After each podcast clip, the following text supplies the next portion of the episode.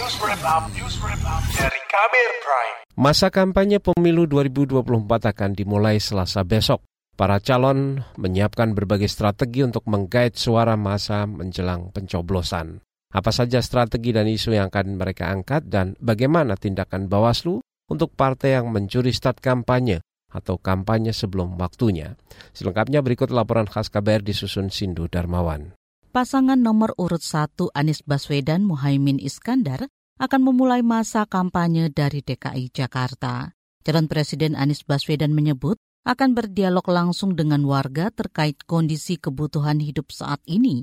Hal itu dia sampaikan di Gedung Basket Gelora Bung Karno, Senayan kemarin. Pertanyaan sederhana, kita akan menanyakan kepada masyarakat, apakah yang dirasakan hari ini sudah baik? Misalnya, apakah kebutuhan pokok harganya terjangkau atau harganya mahal? Apakah pendidikan harganya terjangkau atau tidak terjangkau? Apakah urusan kesehatan itu rumit atau mudah? Calon Presiden Anies Baswedan mengungkap rencana kampanye di Jawa Barat pada pekan pertama, namun dia belum dapat memastikan lokasi persisnya. Namun bekas Gubernur DKI Jakarta itu memastikan akan berkampanye di banyak tempat bersama wakilnya.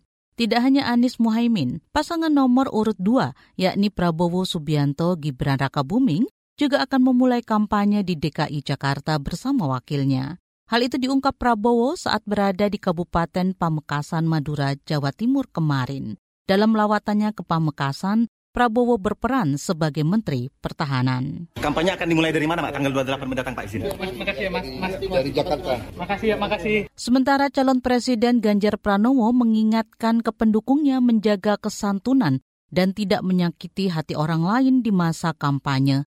Itu disampaikan Ganjar saat hadir dalam acara Senam Sehat bersama Partai Hanura di Pontianak, Kalimantan Barat kemarin.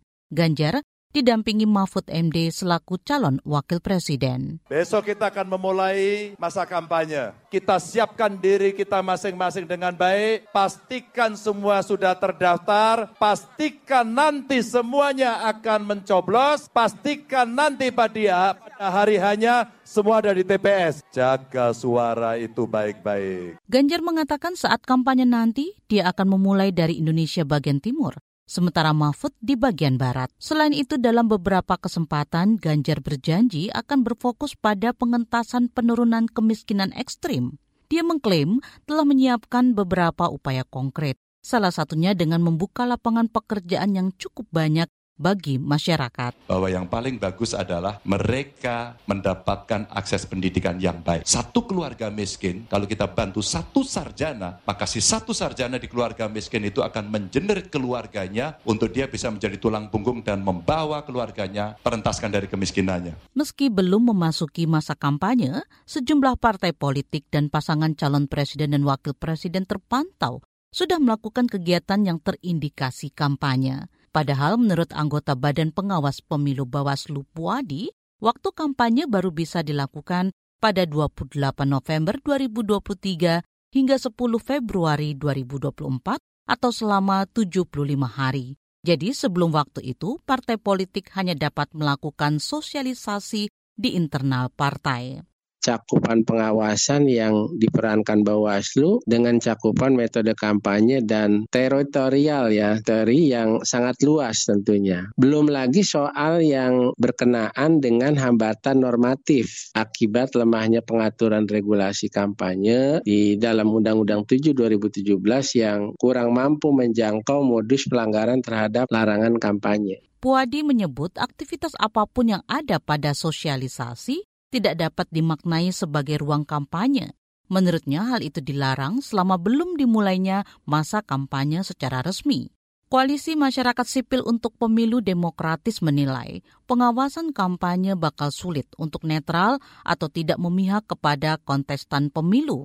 Menurut Ketua Badan Pengurus Nasional PBHI, Julius Ibrani, salah satu alasannya karena ada relasi kuasa antara pengawas pemilu dan pemerintah kepercayaan masyarakat terhadap terhadap pengawasan ya. Pertama ketika tidak ada satupun infrastruktur negara ataupun pejabat negara yang ikut dalam kontestasi politik pilpres. Ya selama itu masih ada maka masyarakat tidak akan percaya terhadap pengawasan. Yang kedua pengawasan yang dilakukan masyarakat ini akan berdampak pada sikap masyarakat ke depan yaitu civil disobedience. Masyarakat tidak akan percaya lagi pada infrastruktur negara masyarakat tidak akan percaya lagi pada hukum dan instansi penegak hukum masyarakat tidak akan percaya pada pemilu dan hasil pemilu.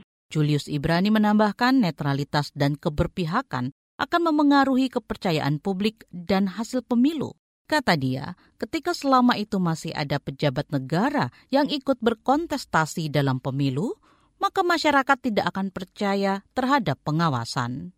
Demikian laporan khas KBR. Saya Fitri Anggreni. Kamu baru saja mendengarkan news wrap up dari KBR Prime. Dengarkan terus kbrprime.id, podcast for curious mind.